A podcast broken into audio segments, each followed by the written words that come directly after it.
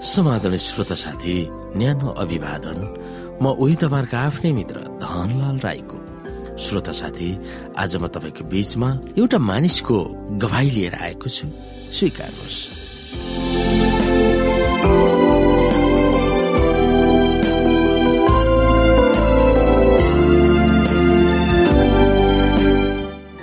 श्रोता आजको यस सन्देशमा कार्मेल स्पेन एयरपोर्टमा पक्राउ परेको कुरालाई हामी यहाँ हेर्छौँ। अन्तर्राष्ट्रिय हवाई जहाज उडानमा जानुभन्दा अघि अथवा दुई दिन अघि कार्मेलले घुँडा टेकेर आफूलाई रक्षा गर्न प्रार्थना गरेका थिए। किशोर अवस्थाबाट भर्खर युवती हुन पुगेकी कार्मेल वर्षौसम्म प्रार्थना गरिरहेकी थिइन्। त्यसबेला उनले प्रार्थना गर्न किन कर भयो सो उनलाई थाहा थिएन। तर उनी चिन्ताग्रस्त थिइन् र आफ्नो मन प्रार्थनाद्वारा परमेश्वरलाई पोखाउन चाहन्थिन् अथवा पोखाइन्। प्रभु परमेश्वर मलाई रक्षा गर्नुहोस् र मलाई सम्हाल्नुहोस् मलाई अगुवाई गर्नुहोस्। जे म गर्दैछु सो बाध्य भएर गर्दैछु। पुलिसले मलाई पक्रन नदिनुहोस् कार्मेटले प्रार्थना गरेको थियो। त्यस रात उनले एउटा सपना देखेकी थिइन्। पुलिसले उनलाई पक्रेर हत्कडी लगाएको उनले त्यस सपनामा देखेकी थिइन्।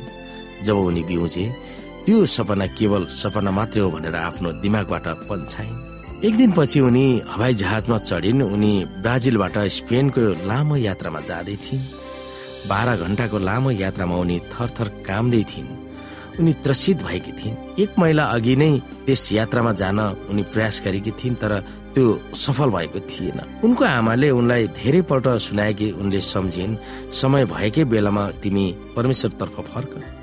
कार्मेलले बाह्र घण्टा प्रार्थना गरिरहन् मलाई शान्ति दिनुहोस् मलाई सुरक्षा गर्नुहोस् मेरो मनलाई शान्त पार्नुहोस् उनले प्रार्थना गरिन्।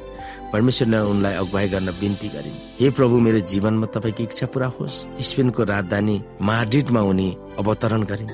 आफ्नो पासपोर्ट अध्यागमन अफिसरलाई दिइन् र बिना रोकतोक त्यहाँबाट निस्किन्।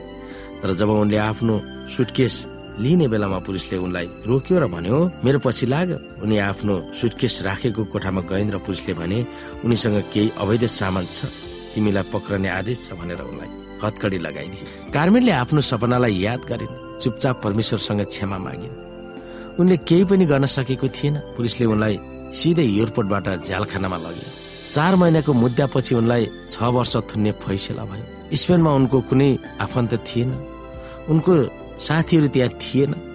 उनले कसैलाई पनि चिनेको थिएन। उनले आफूलाई सोधिन् यो मलाई के भयो? म यहाँ किन छु? उनको निम्ति यो पीडादायक अनुभव थियो। परमेश्वरले उनलाई सजाय दिनु भएकोले आफू र अरू कैदीहरू झ्यालखानामा थिए भनेर सोचेकी थिए। त्यसबेला उनी अन्धकारमा थिइन् र आशा पलाएको थिएन। तब एक दिन कैदी साथीले कार्मेललाई बाइबल अध्ययन गर्न बोलाइन्। चर्चबाट राम्रो मानिसहरू हामीलाई भेट्न आइरहेको छ। तिनीहरू हामीलाई बाइबल सिकाउन आउँदैछ मसँग आउनुहोस् कैदी साथीले अनुरोध गरिन्। कार्मेल बाइबल अध्ययनमा गइन्। त्यहाँ जुलिया र सान्टोसालाई भेटे। तिनीहरू सेभेन एडभान्टेज चर्चबाट आएका थिए। तिनीहरू दसजना थिए जो कैद खानामा नियमित रूपमा बाइबल सिकाउन आउँथे। एडभान्टेजसँग यो कार्मेलको पहिलो भेट थियो।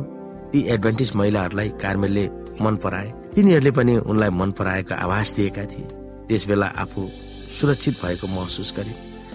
जब तिनीहरू सँगसँगै बाइबल पढे तब उनको जीवनमा परमेश्वरको उपस्थित भएको महसुस अथवा अनुभव गरिन् उनले भजन तेइसलाई पढ्न धेरै मन पराएकी थिइन्। परमप्रभु मेरो गोठालो हुनुहुन्छ।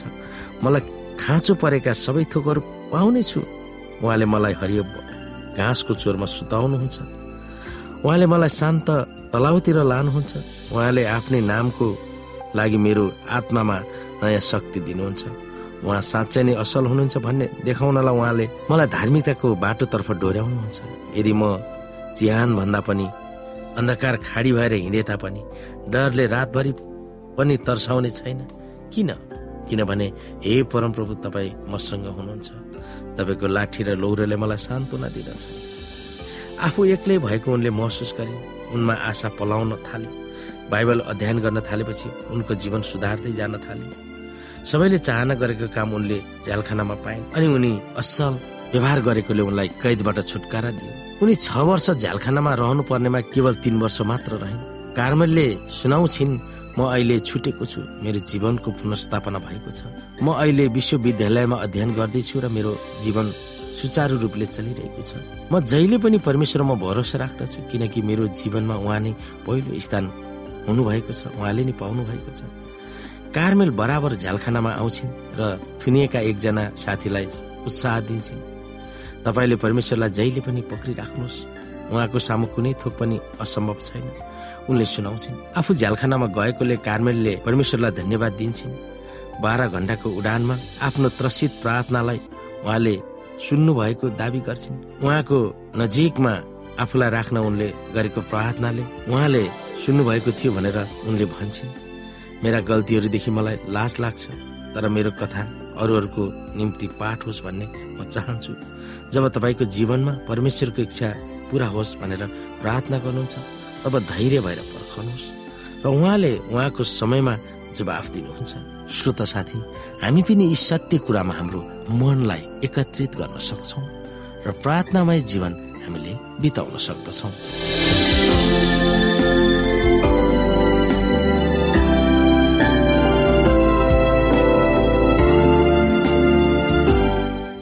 श्रोता साथी आजको लागि बाइबल सन्देश यति नै। हस्त नमस्ते। जय मसिंह।